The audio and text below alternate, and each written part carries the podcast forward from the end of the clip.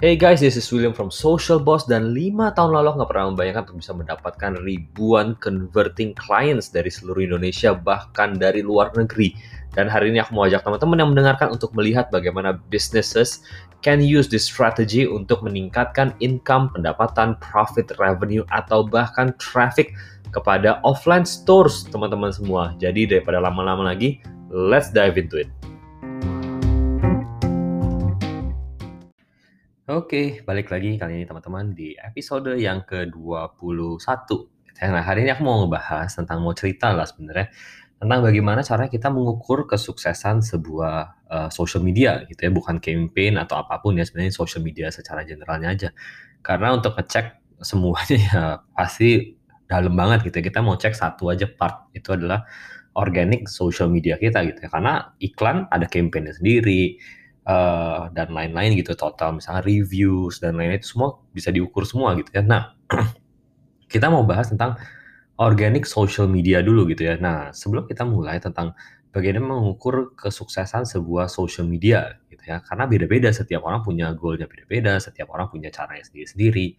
Nah, dan yang paling penting adalah semua orang punya strateginya sendiri-sendiri dan itu berbeda setiap orang gitu ya. Nah, yang pertama kita mau bahas adalah uh, goal-nya kita apa sih? Objektifnya kita dari kita membangun social media sebenarnya apa? Apakah itu conversion? Kalau misalnya iya, nggak masalah gitu. Mendingan kita buka-buka dari awal karena entah kenapa ya banyak gitu. Khususnya service professionals yang kalau misalkan datang ke aku consulting gitu ya, suka nanya gini, uh, kan aku nanya, Bapak, Ibu, uh, strateginya begini nih, goalnya apa sih? Memang sebenarnya kenapa sih mau masuk social media? Oh semua kan jawab gini, Oh, saya mau mengedukasi orang-orang.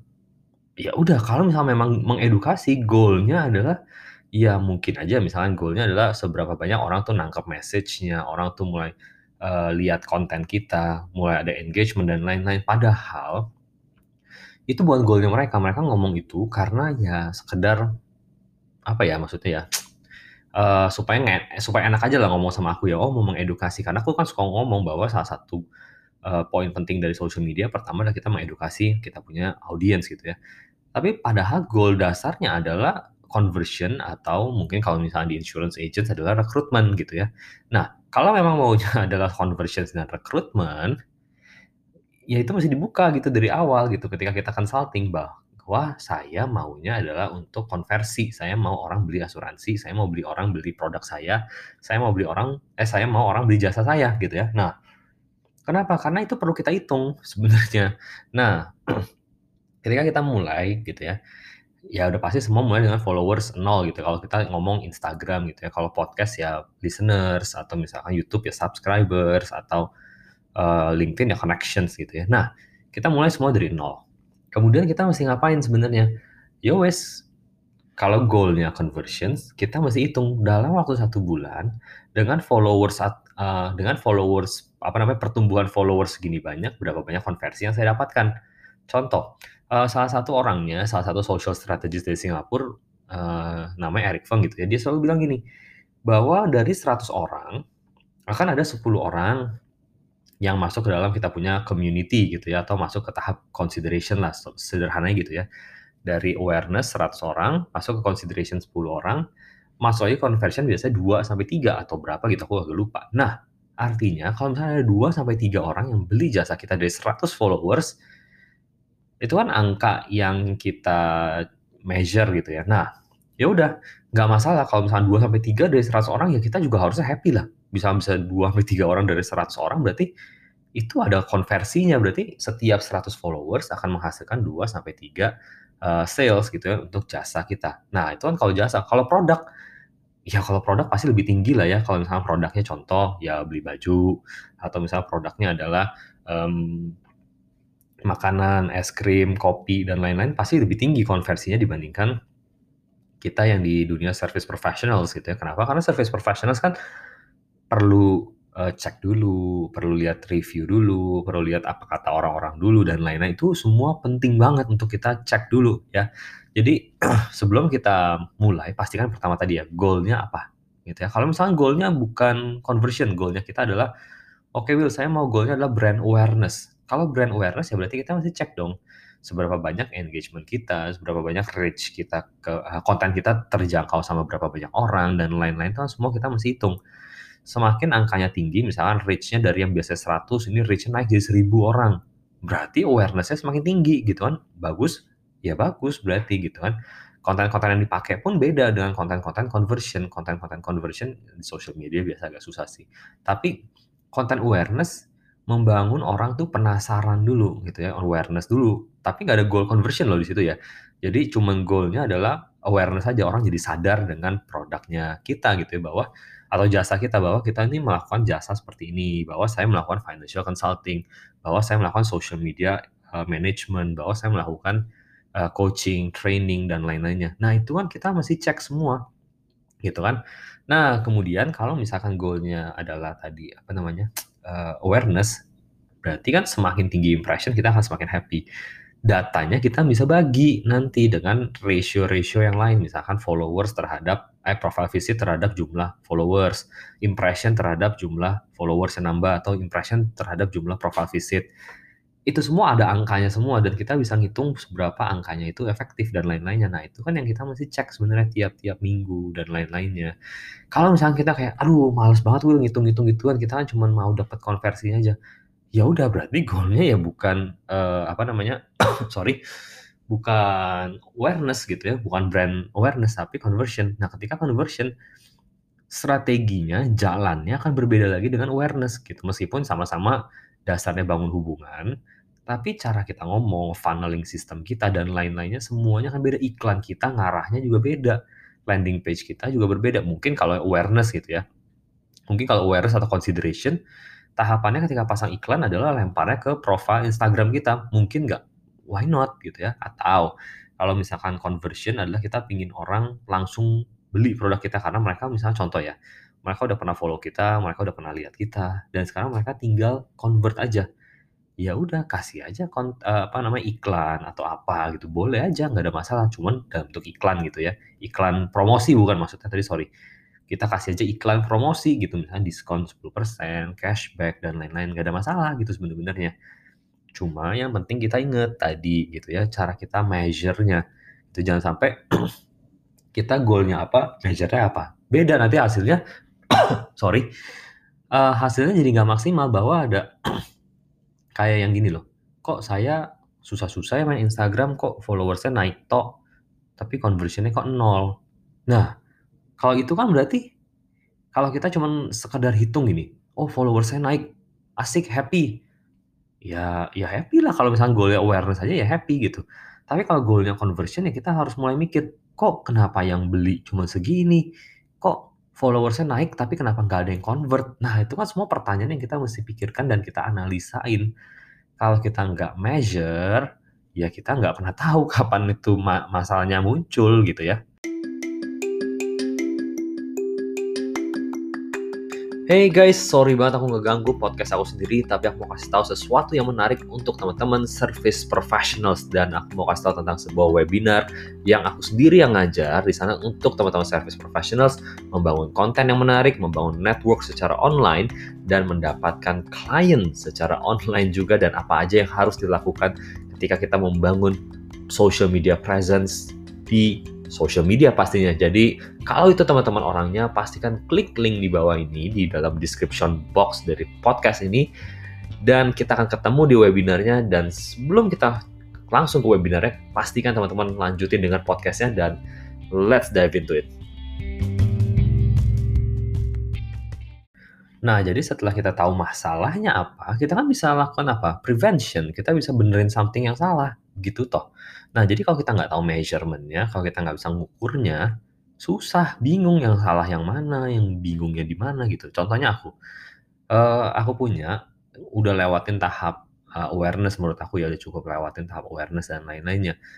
Nah, Instagram aku sekarang uh, karena consumer behavior-nya mulai berubah, audience apa namanya audience behavior yang mulai berubah, engagement rate-nya turun nggak? Turun, turun jauh banget di titik yang mungkin titik normalnya orang-orang dengan konten carousel adalah segini kali ya. Uh, mungkin dengan engagement rate level segini gitu ya. Dulu kan levelnya nggak bisa turun dari A kalau misalnya lihat di IG Blade, IG Blade gitu ya. itu pasti A mulu selama 6 bulan tuh A tiba-tiba sekarang drop ke C, ke D gitu ya. Nah itu kan ada pertanyaan, kenapa? Nah kalau misalkan goal-nya aku dari awal salah, ya aku bisa bingung kayak, wah apa yang terjadi nih gitu kan. Nah aku punya dua gitu, goal pertama adalah awareness. Memang awareness gitu, consideration bahwa semakin bertumbuhnya followers atau meningkatnya apa namanya engagement rate, artinya kan semakin Instagram push konten kita keluar gitu ya. Nah itu kan hal yang bagus buat aku pribadi. Kenapa? Karena salah satu channelnya aku untuk dapetin klien adalah lewat Instagram. Nah ketika itu putus, berarti kan ada pertanyaan, wah mati nih, kacau nih. Berarti akan ada chan uh, apa namanya traffic yang mulai berkurang. Traffic yang mulai berkurang, jangan-jangan conversion-nya akan turun. Nah, ini yang mesti dipikirin lagi karena bahaya sih sebenarnya kalau menurut aku pribadi.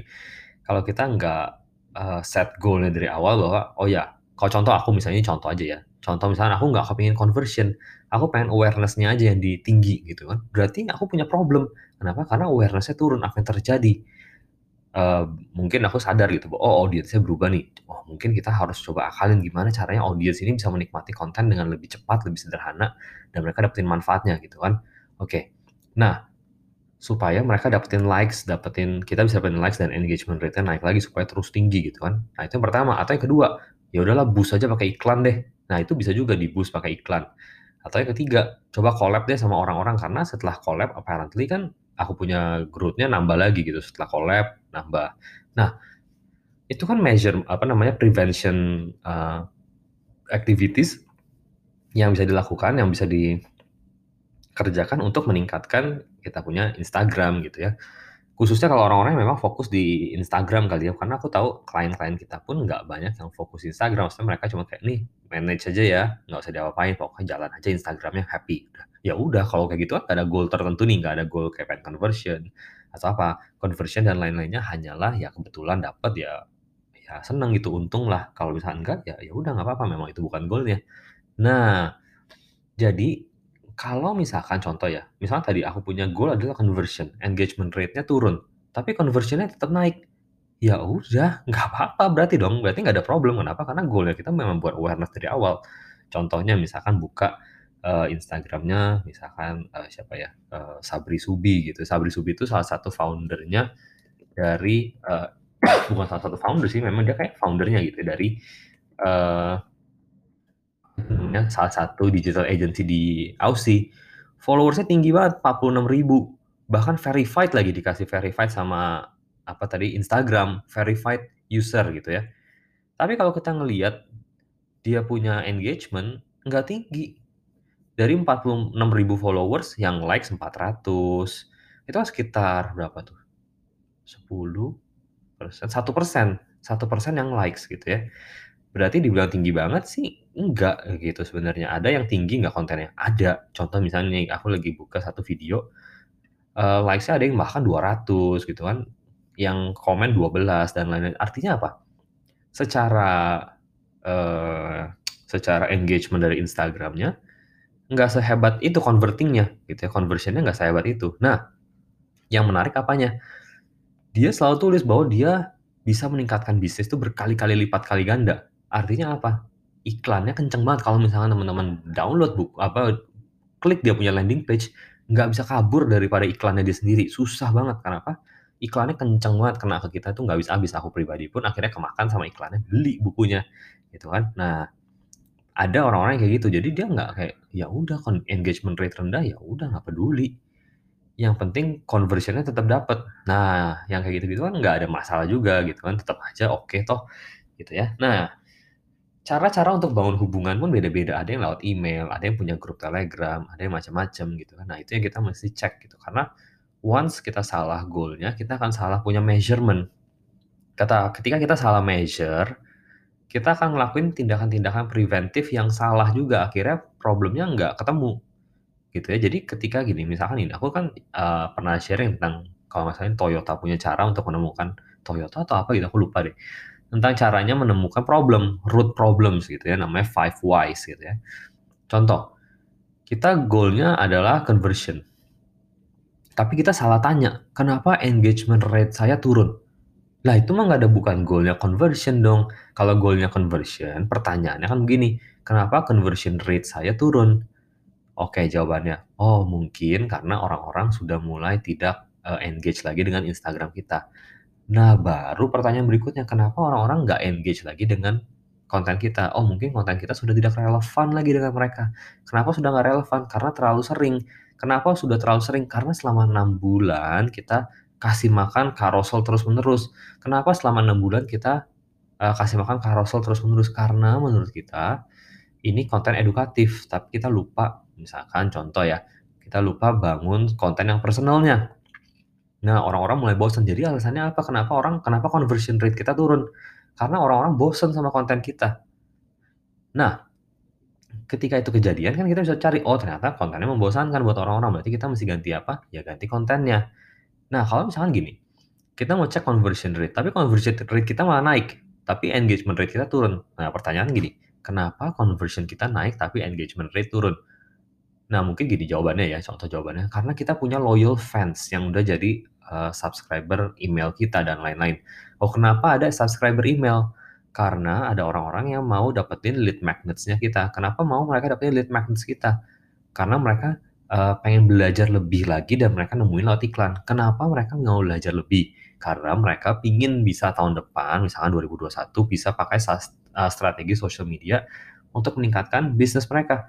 Lihat, root problemnya beda gitu ketika kita pakai measurement yang berbeda gitu. Jadi social media sukses itu dihitung pertama dari goalnya kita apa gitu ya. Kedua adalah bagaimana kita measure sukses itu sendiri.